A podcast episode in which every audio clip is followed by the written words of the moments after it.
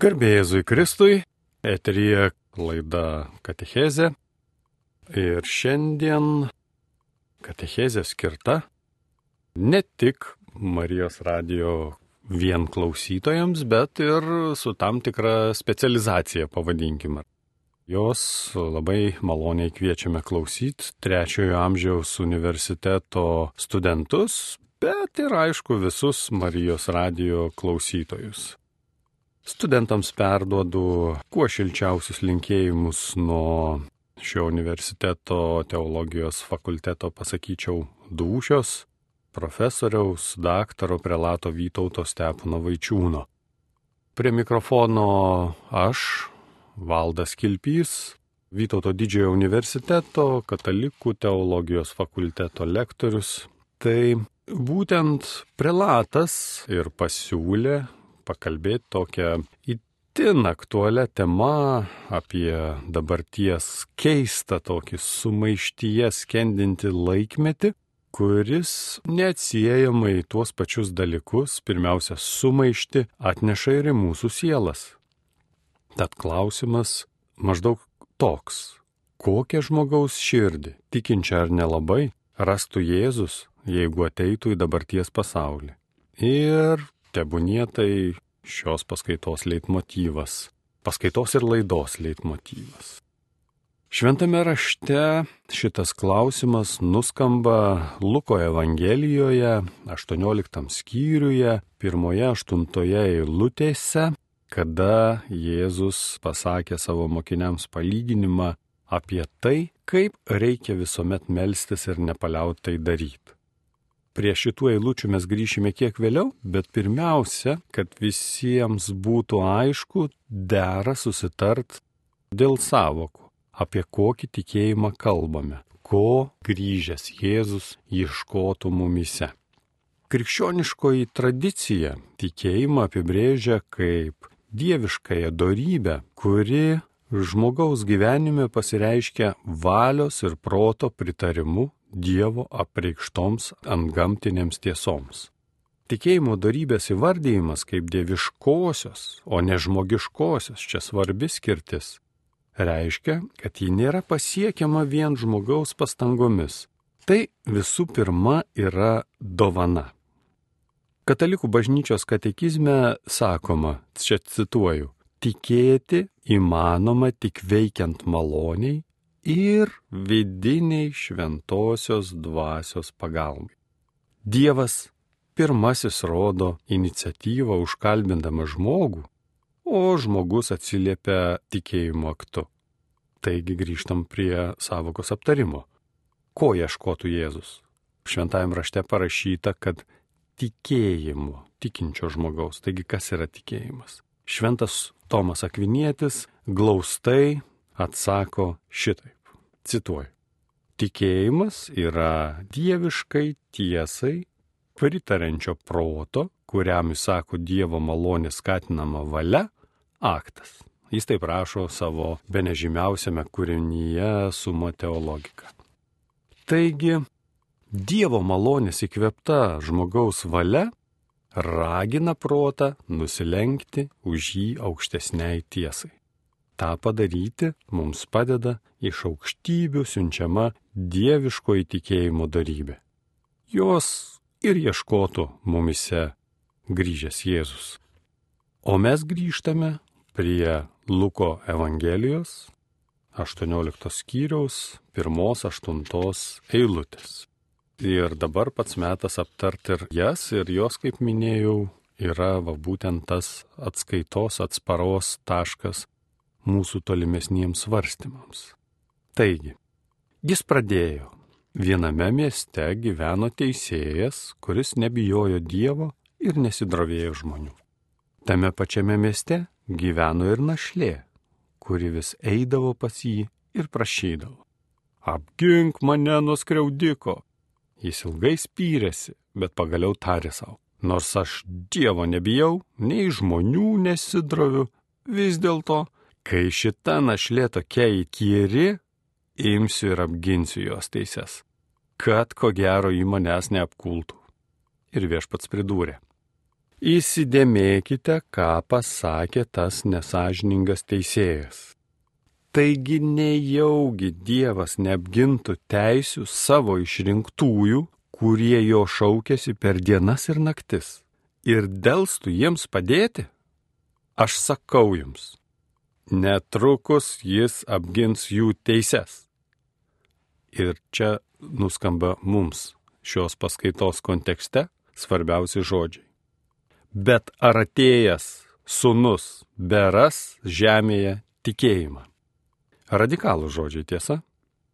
Aiškiai pasakoma, kad Jėzus apgins teises, bet suabejojama pačių žmonių tikėjimu.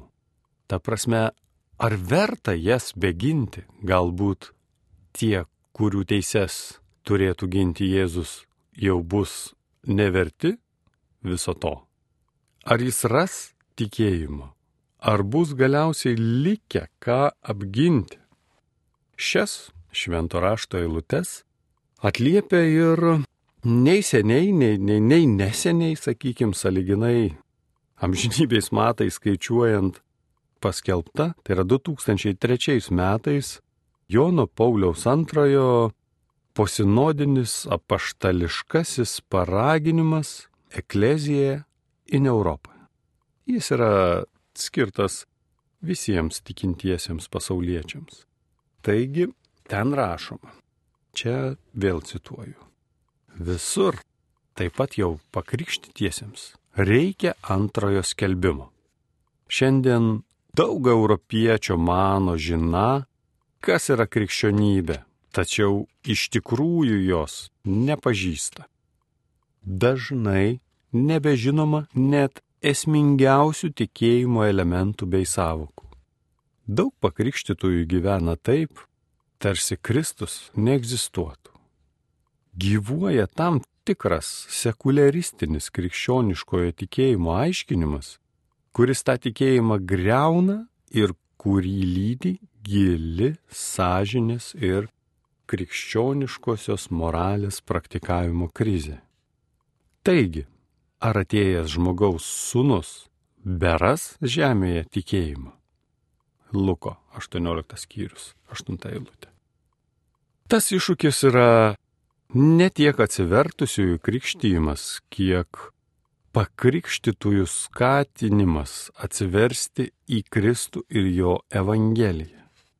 Mūsų bendruomenėse būtina rimtai stengtis nešti Evangeliją visiems, kurie yra toli nuo tikėjimo arba atitolę nuo krikščioniškosios praktikos. Citatos pabaiga. Primenu, kad citavau posinodinę apaštališką paraginimą Eklezija in Europą. Tai yra šitie žodžiai yra skirti pirmiausia mums, europiečiams. Tikslų žodžiai, kurie labai aiškiai ir tiksliai identifikuoja dabartinę situaciją būtent Europoje. Pabandykime drauge kiek įdėmiau pažvelgti į esminės šios trumpos citatos mintis. Jos leis mums toliau ir metodiškiau tęsti savo svarstymus, taps tarsi kokiais stulpais, nuo kurių atsispyrę mes galėsim judėti pirmin prie kažkokių tai išvadų papunkčiui. Pirmiausia, deklaruojama situacija, kad daugelis mano žina, kas yra krikščionybė, nors iš tiesų jos nepažįsta. Ar ne tokia pat situacija ir Lietuvoje? Čia trumpam nukrypsiu į šoną, bet turbūt gal ir ne visai į šoną. Žodžiu, gana dažnai gyvenime bendrauji su žmonėmis, tenka sutikti tokių asmenų, kurie išgirdę, kad esu studijavęs teologiją, pradeda juoktis. A, sako, tai tu vienas iš tų svajoklių, o gal net ir koks kunigas ar kas ten šventikas. Nesakau, teologija kas kita. Ir tenka ilgai aiškinti, kas yra ta teologija kad tai yra nebūtinai vien apie Dievą, kad egzistuoja plati ir turtinga teologinės minties mokykla ir kad žodis bažnyčia yra nebūtinai mūrinio pastato reikšmė, kad tai yra gerokai platesnė reikšmė, kad gali reikšti ir pačią tikinčiųjų bendruomenę. Daug įvairių aspektų gali reikšti žodis bažnyčia. Žodžiu, kuo daugiau kalbi, tuo labiau supranti, kad tavo pašnekovas nesuvokia esminių dalykų. Tada natūraliai sukirba mintis apie tai, kad nesant jokio, nedristu vartot žodžio teologinio pagrindo, bet apskritai tokio pagrindo, kuris sudaro kiekvieno išsilavinusio žmogaus esybę, kad nesant tų dalykų bandyti kalbėti apie tikėjimą būtų visiškas nesusipratimas. Nes tiesiog susidurėm su situacija, kada turim vandenį ir aliejų, jie tarpusavyje nesimaišo. Arba kitas pavyzdys, kad neįmanoma spręsti aukštosios matematikos užduočių, uždavinių kažkokių tai, jeigu tu nemoki daugybos lentelės. Tai štai tokia situacija. Grįžtame prie kiek anksčiau perskaityto Jono Pauliaus antrojo posinodinio apaštališko paraginimo Eklezija ir Europa arba bažnyčia Europoje. Antroji, mano galva, svarbi mintis yra apie tai, kad gyvuoja tam tikras sekularistinis krikščioniškojo tikėjimo aiškinimas, kuris tą tikėjimą greuna ir kurį lydi gili sąžinės ir krikščioniškosios moralės praktikavimo krizė. Dar kartą, sekularistinis krikščioniškojo tikėjimo aiškinimas. Tikrai paradoksalus teiginys.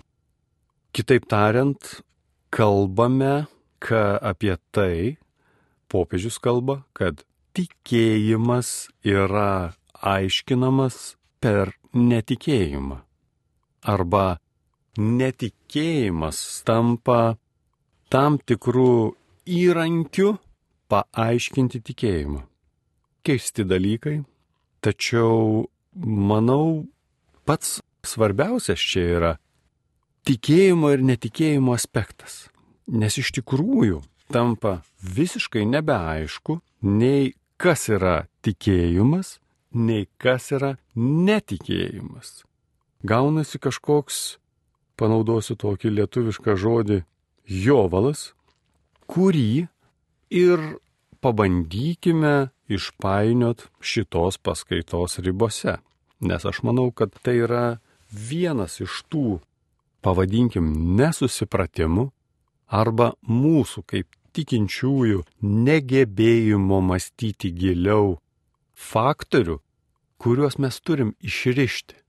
Ir kai mes susidurėm su būtent šitaip mąstančiais, mes tiesiog pasimetam. Jie tarsi sako, kad mes neinam prieš Dievą, mes juo tikim, bet mes ir ne už jį. Toks kažkoks tarpinis variantas. Kad toliau judėt savo galvojime, savo judint paskaitos pagrindinę mintį, Aiškumo dėliai aš siūlau postateizmo savoką. Post tai yra einantis po kažko, o jeigu tiksliau, patys suprantat, kad po ateizmo. Tai yra tokia naujoviška ateizmo rušis, kurios supratimui, kadangi jis eina po ateizmo, natūralu, pirmiausia reikia įsiaiškinti, kas yra tas ateizmas padarysime šitos paskaitos rėmuose ir tada judėsime jau ir prie postateizmo reikalų. Visuotinėje lietuvio enciklopedijoje profesorius Tomas Sodeika teigia, kad ateizmas, o graikiškai galima jį suskirstyti du graikiškus žodžius. A tai yra prieš, o teos Dievo, tai yra prieš Dievą. Tai ateizmas yra pažiūrų sistema arba doktrina, ir ją pagrystos praktinės nuostatos, neigiančios Dievo, antgamčių būtybių bei reiškinių buvimą. Pati kraštutiniausia ateizmo kryptis yra vadinamasis kovingasis ateizmas, kuriai būdinga ne tik Dievo neigimas, bet ir kova su bet kokiamis religijos apraiškomis. Dažnai tas kovingasis ateizmas vadinamas ir antiteizmu. O deizmas, neigiamos kai kurios religinės dogmos, panteizmas, kada Dievas yra tiesiogiai tapatinamas su gamta ir galiausiai laisva manybė, kurioje kritiškai arba visiškai neigiamai vertinama religija, iškeliama proto pažintinė laisvė, iš tikrųjų ir padeda plisti ateizmui ir kartais būna jo priedanga arba gal net ir pirmasis laiptelis, kuris padeda ateit į ateizmą. Taigi, ateizmas nėra vientisa pažiūrų sistema. Jis remiasi įvairiomis filosofinėmis, socialinėmis, kultūrinėmis nuostatomis. Todėl iš tiesų egzistuoja daug ateizmo atmainų, kurias bandoma jungti į keletą tipų. Jeigu bandyti išvardinti tuos tipus, tai teorinis, praktinis, pozitivistinis, negatyvusis, absoliutusis, ontologinis, gamtamokslis, antropologinis ir kitoks ateizmas. Čia tiesiog priklausomai nuo to, kokią dalį mokslo bendriausia prasme tas ateistas pasiima savo kaip naudinga, kad paneigti Dievo ir apskritai ant gamčio pasaulio, ant gamtinės realybės egzistencijos faktą. Ateizmas daugiausiai išplitęs europietiškos kultūros aplinkoje, tai yra toks europietiškas kūdikis, o kitose kultūrose, pavyzdžiui, tolimieji rytai ir artimieji tie patys rytai, ateizmas reiškiasi mažiau. Ateizmo turinys nuolat kito, Jį lėmė religinių pažiūrų kitimas, pažinimo ir mokslo raida. Kito ir pati ateizmo termino reikšmė. Senovės graikai ateistais arba ateojai vadino tuos, kurie nepakluso valstybiniai religijai. Tai yra senovės Graikijoje, antikinėme pasaulyje visada egzistavo valstybinės religijos, valstybinio kulto Jie tokie buvo ir jeigu tu norėjai būti lojalių valstybei piliečių, tu turėjai tuos dievus tau siūlomos valstybės garbinti. Tačiau įdomus faktas yra tai, kad ateistais dėl to paties aspekto buvo vadinami ir krikščionis. Kitaip tariant, krikščionis, tie ankstyvieji krikščionis be abejo, kurie garbino meldėsi kažkam kitam, negu kad oficialiai, formaliai siūloma valstybės. Tai tiesiog įdomus faktas, kad mes kaip krikščionis taip pat kažkada buvome ateistais. Klemensas Aleksandrijietis pirmasis ateistais pavadino žmonės, kurie apskritai neigia Dievo buvimą. Taigi, išsiaiškinom šį beitą su ateistais viskas yra paprasta, ar ne? Jie netiki ir tiek žinių. Ir aš jau panaudojau prieš tai tą savoką postateistai arba postateizmas. Ir apie jį toliau suksis mūsų kalba, kadangi manau, kad atėjęs, grįžęs į mūsų pasaulį, Jėzus ateistų daug neras. Jis ras daug postateistų. Tad mūsų užduotis yra pasiaiškinti, kas tie postateistai yra. Bet pradžioje papasakosiu tokį keistą nutikimą. Žodžiu, turėjau draugą dar studijų laikais, kuris buvo susidomėjęs pagoniškais baltų tikėjimais. Dalyvaudavo jų apieigose, nu ir šiaip stipriai prijautė šitam reikalui. Kai susirado merginą ir anksčiau ar vėliau atėjo sprendimas tuoktis, nusprendė tai daryti būtent pagonišką madą. Ir pasikvietė ir mane į savo, pavadinkim, vestuves, nors liežuvis sunkiai apsiverčia vadintai vestuvėmis. Nors kaip gal doras katalikas ir neturėjau ten eiti, bet prisipažinsiu, nugalėjo smalsumas, me kulpa ir nepasakosiu, kas ir kaip ten vyko, bet pasakysiu tik tiek, kad atrodė viskas gan keistokai, kasdieniškai, bet to vidinio drebulio, kuris apima stebint jaunavedžių priesaiką bažnyčioje. Paskui vyko pobuvis, kuriame vis paklausdavau žmonių, kaip tas ritualas jiems atrodė. Žodžiu, pagalvojau, kad turiu tokią puikią progą atlikti tokį improvizuotą kokybinį mokslinį tyrimą, kurio esmė yra va, būtent šnekint žmonės ir paskui išryškint tam tikrus desningumus ir prieštaravimus. Tai koks buvo tas vienijantis teiginys, kaip jūs galvojat? Žodžiu, visų paklaustųjų atsakymuose vyravo toks bendras nusiteikimas, kad čia turbūt reikėtų sakyti, kad cituoju, kad, žodžiu, žmonės maždaug vartoja tokius žodžius. Nu, kad ten kažkas vis tiek yra, kad jis tai yra Dievas pats atsirinks, kokia ženatvė yra svarbesnė, geresnė, ar ne, sakykim taip. Tai kalbant apie postateizmą, šis teiginys labai svarbus. Tai atspara tolimesniems mūsų mintymams, nors dera suprast, kad visgi bandom atsakyti klausimą, ką ras Jėzus, o ne kas yra tas postateistas. Bet be atsakymo į klausimą, kas yra tas postateistas, mes tiesiog negalim atsakyti ir klausimą, ką ras Jėzus.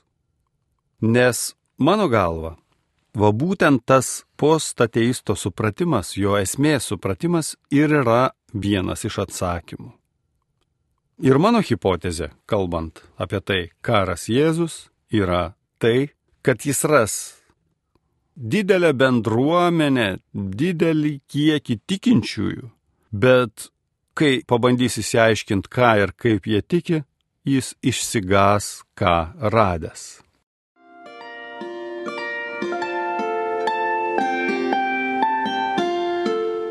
Jūs girdite Marijos radiją.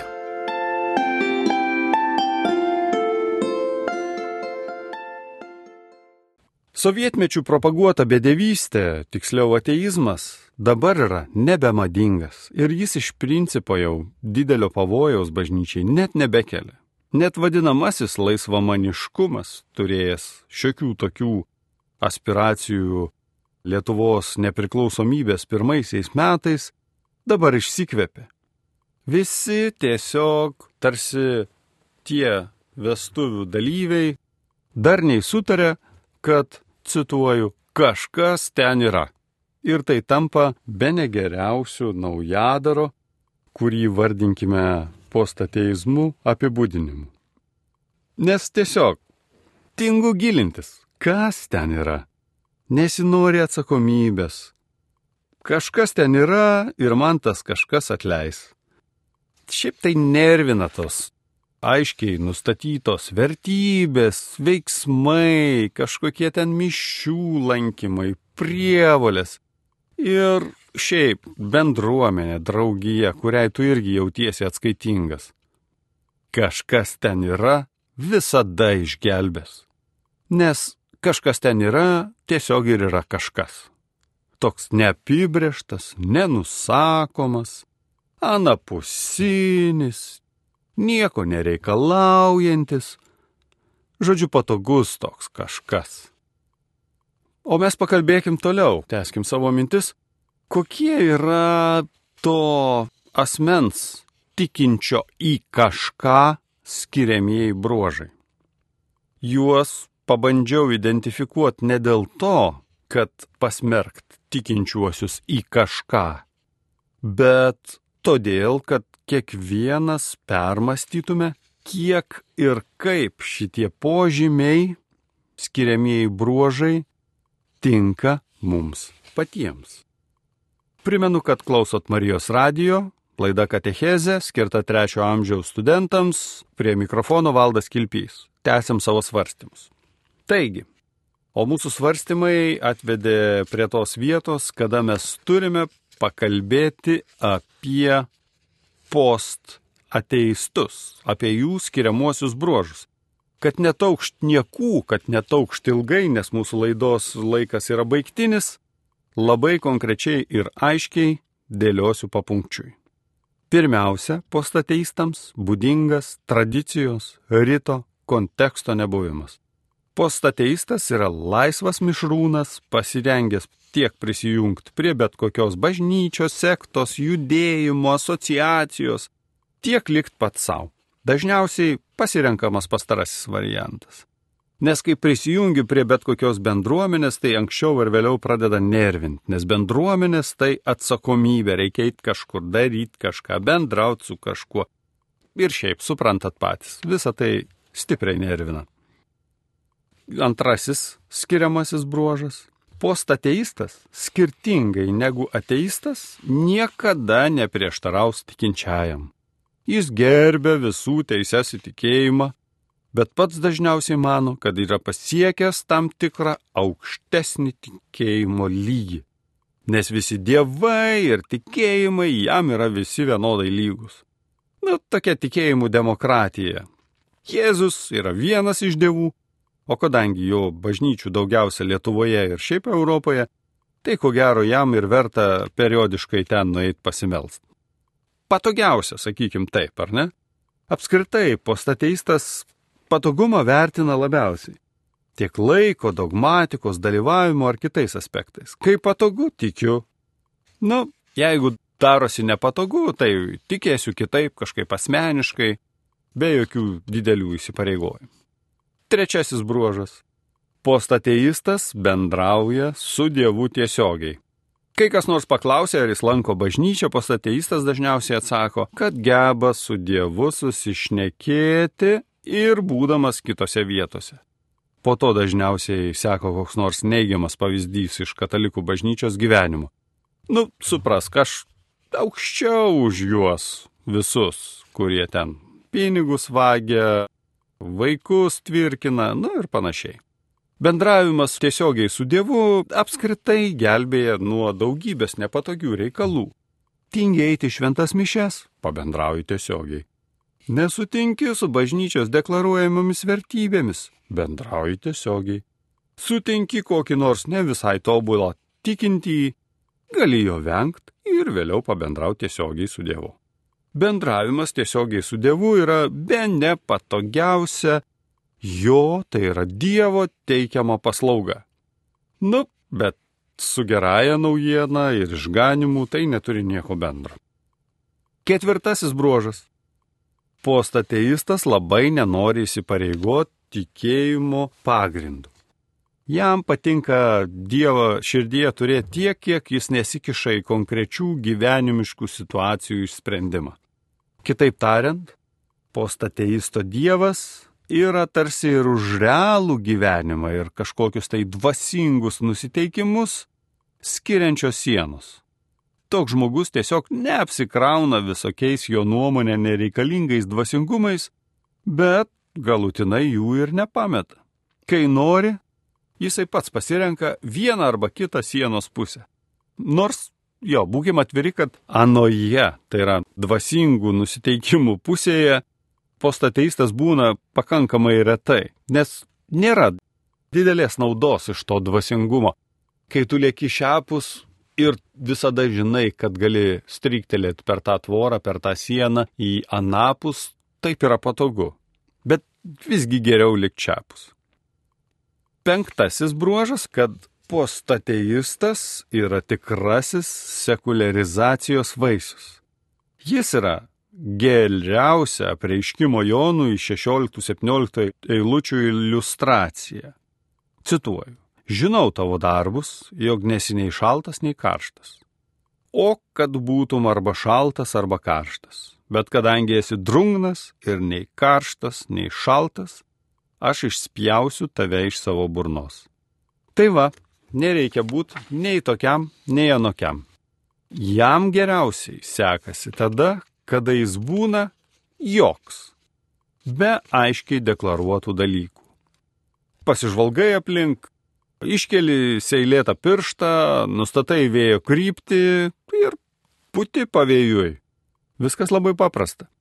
Ir šita prasme būtų mums netgi kaip tikintiesiems būtų gerokai geriau, smagiau, prasmingiau, jeigu pasaulyje rastusi daugiau ateistų, nes jie yra nedrungni. Jie turi didesnę temperatūrą, vadinkim taip. Šeštasis bruožas. Postateistas sunkiai supranta sakrum ir profanum, arba kitaip tariant, šiapusybės ir anapusybės perskira. Jo egzistencija sėtina su trečiaja, sunkiai nusakoma, bet pilkąją būties dimenciją. Saliginai ją galima būtų pavadinti kasdienybę. Karts nuo karto susidūrimai su transcendencija be abejonės įvyksta, ta prasme kažkokie Dievas vis tiek beldžiasi į mūsų sielą, bet tada postateistas tengiasi kuo patikimiau pasislėpti savo kasdienybės kreuklėje, su baime suprasdamas, kad tvirto pagrindo daryti moralinius sprendimus jis neturi. Tiesiog yra, kaip ten, Newtonas berot sakė, sviruojanti nendrė vėjuje. Šią prasme, konkretaus postateistinio individo situacija iš esmės beveik nesiskiria nuo sovietmečių. Svarbu tykiai išbūt, nepult girt valdžios, bet ir nepeikt, nesivelti į jokius bendruomenės ir bendruomeniškus reikalus, ramiau, tikiau, be išsišokimų. Toks devizas. Liekame pilkojoje zonoje, kuri nei dieviška, nei visai žemiška.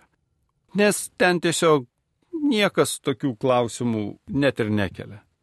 Taigi, grįžkime prie to, nuo ko ir pradėjome. Buvo klausimas, karas Jėzus, bet siūlau grįžti prie vestuvių. Nes jos yra puikus simptomas nusakant dabarties situaciją. Paklauskime savęs, kodėl jauni žmonės, nu ir ne tik jauni turbūt, tai bijo susisaistyti bet kokia bažnytinė arba šiaip apskritai priesaika amžina. Kodėl dabartiniu laikotarpiu niekas nebeduoda žodžio. Anksčiaugi, jeigu kreipiuosi į tuos, kurie 40-mečiai, 50-mečiai, bent jau mes sakydavom, duodu žodį, ar ne? Ir tavo žodis tarsi būdavo patvirtinimas to, kad tavo šitas vienas ar kitas teiginys bus įvykdytas, jo bus laikomas.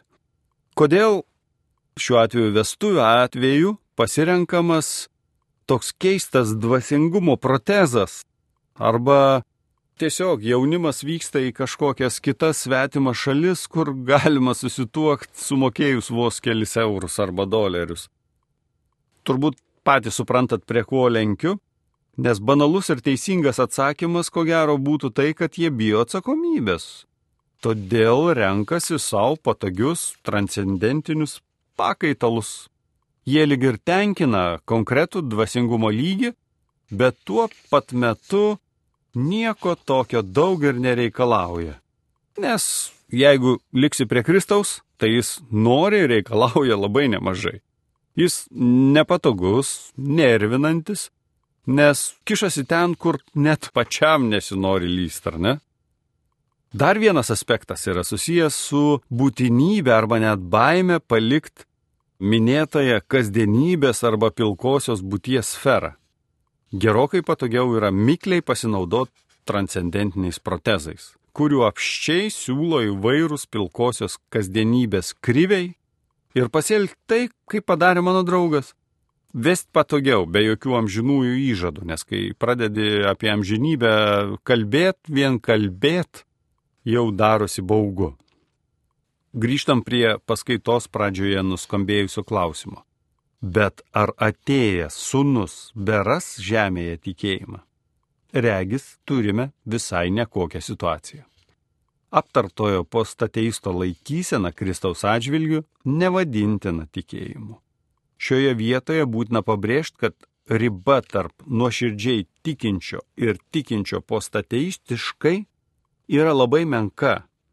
Išoriškai toks žmogus gali lankyti bažnyčią, gyventi sakramentinį gyvenimą, bet vidujei, viduj, širdyje viskas bus gerokai, panaudosiu ne konvencinį lietuvišką žodį, supatoginta, redukuota savo naudinga linkme.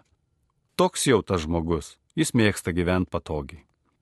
Dvasinis gyvenimas šiuo atveju veik nesiskiria nuo žmogaus fiziologijos.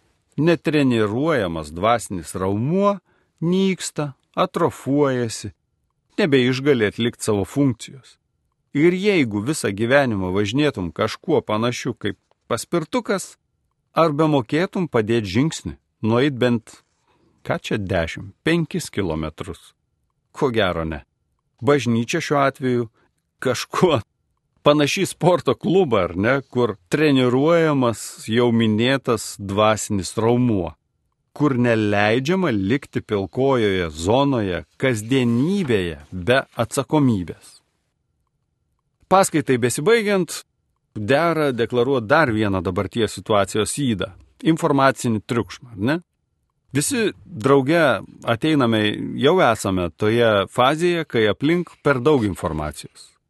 Informacinis rūkas arba kokia migla gali pakeisti ir keičia santykio tarp žmogaus ir Dievo pobūdį. Žmogus nebėra jau grinai ir vientisai religingas ar kažkaip radikaliai netikintis.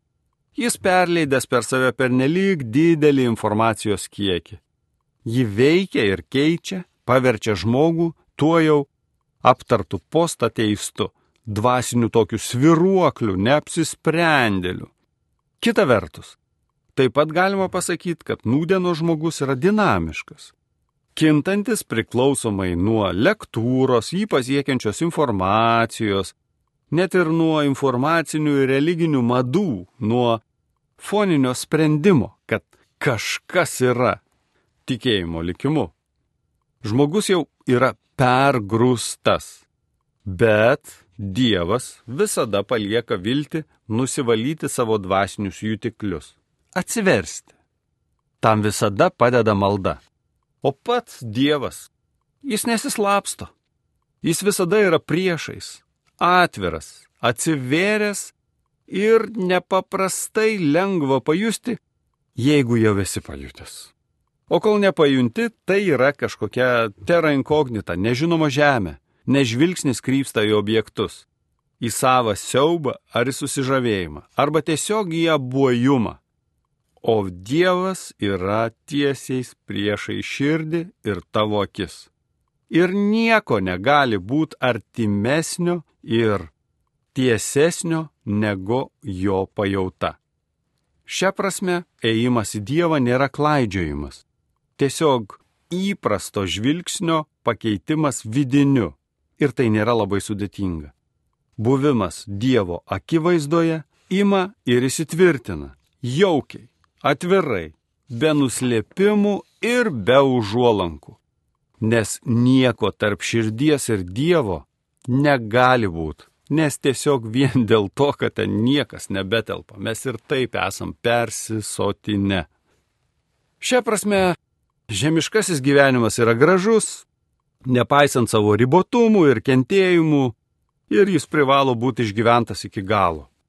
Tuo pat metu visiškai aišku, kad žemiškas gyvenimas nėra galutinė vertybė tai veikiau tarsi tiltas, nutiestas iš gyvenimo į gyvenimą, tarp trapaus ir netikro šio pasaulio džiaugsmo ir galutinio bei pilnutinio džiaugsmo, kurį viešpats ruošia savo ištikimiems tarnams. Nes jis ateis ir tuomet jau bus vėlų kelt vėl ir vėl skambantį klausimą. Bet ar atėjęs sunus beras žemėje tikėjimą? Nežinau, bet pabandžiau pasvarstyti temą, ką jisai ras. Ačiū, kad klausėte. Primenu, Tai Marijos radijas, prie mikrofono buvau aš, Valdas Kilpys, su Dievu.